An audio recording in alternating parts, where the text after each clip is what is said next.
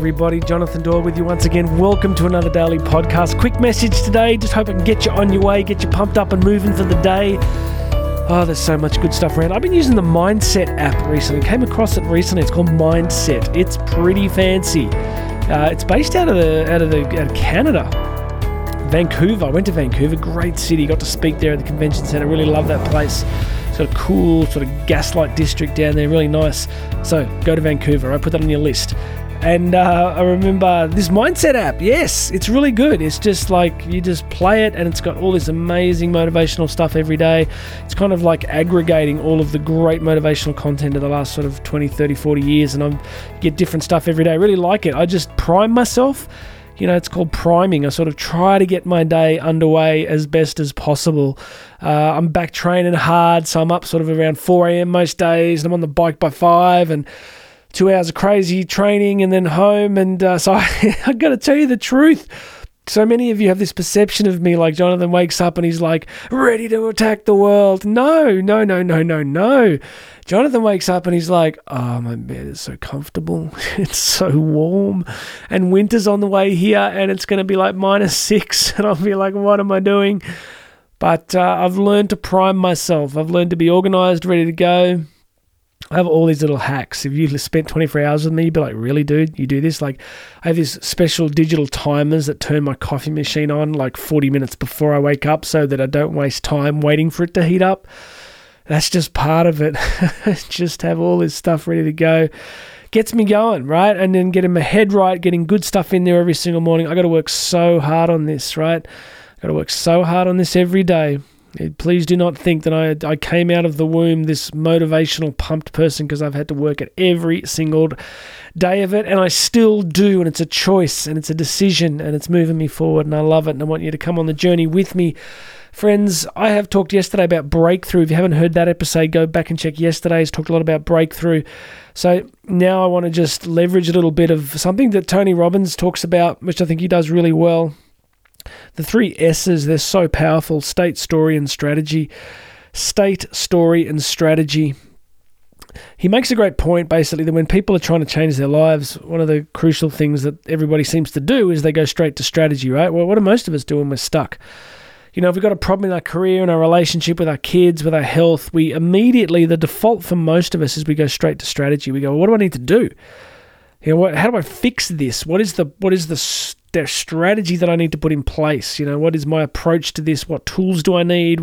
Do I need a coach? Do I need this? Do I need that? And uh, it's called the tyranny of how. It's like we get stuck in the tyranny of how. We get trapped in this. How do I do this? Right? And, and often it can be really hard to know. I mean, if you've been paying attention, we're living in this crazy complex world. Now we've got Chat GPT running AI everywhere. So it's like if you have a question, how do I do X? You're going to get this a lot of information thrown at you. So I want to give you a different lens on this.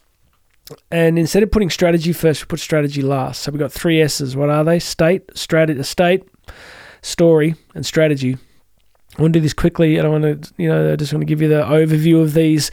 So, state, of course, is our physiological state it's the you know the state that we're in. If you are in a happy, positive, alert, you know you're well fed, you're feeling pumped, the sun's out. You know this morning after after our training ride this morning, we're we're sort of leaving the cafe and we're all riding back, and the sun's out, the sky's blue.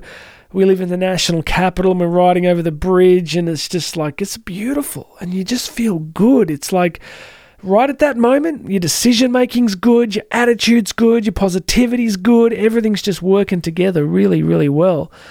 So we want to get the state right first. And of course, the opposite of this, if you're in a bad state, if you're depressed, if you're down, if you're miserable, if you're exhausted, then you tend to not really come up with the next thing, which is a great story. But what do I mean by story? I mean how you're describing your life to yourself or how you're describing your place in the cosmos to yourself if you're in a great state, you tend to often find a good story. What's a good story? Like, yeah, I'm going to make a difference. Today's going to be really good. My life's going to move forward. You know, you just tell yourself a good story. There's so many stories we tell ourselves. You know, victim story, like nothing good ever happens for me. People are always doing bad things to me. I've had all this trauma in my life. I can never overcome it. That's a story, right? So stories are incredibly powerful. You know, what's the, what are some of the dominant stories of your own life? Things that you tell yourself about yourself when you're by yourself. So if we get our state right, then we tend to get a better story, and from the better story comes the strategy. You know, you often found that if you're feeling in a great place, if you're feeling healthy and well, and you're happy with how things are going in your life and where you are, do you not find that the strategies tend to come? That the, the people and the books and the programs and the things that you need, maybe this podcast, can tend to flow towards you. So I want you to all get out of the idea of whatever you're facing, whatever's complex for you, whatever you want to be different, drop the strategy for a little bit. Just put it down. You know where to find it. You'll, you'll know when to go back and look for it. Just put it down and spend more time focusing on state and story. Get your state better, sleep better, eat better. I've been using a lot of supplements lately because my training volume's pretty high. So I'm eating, I'm eating really well, but I've found that I'm just, uh, yeah, I'm just, you know, supplementing some really good stuff. I've got a coach that helps me with it, and I've got a naturopath that helps me with it. So, you know, I'm, I'm sleeping well. I've got really a lot of sleep disciplines and, uh, yeah, just trying to do all the right things. And that gets my state right. And then I can go to work on the story. And then if I get the story right, then the strategy takes care of itself. So there you go, everybody. I hope that's a blessing to you. The three S's state, story, and strategy. I hope they're useful.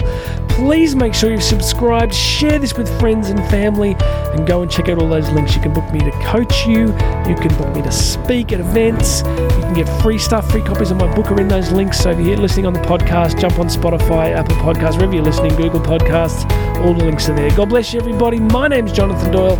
This has been the Daily Podcast, and you and I are going to talk again tomorrow.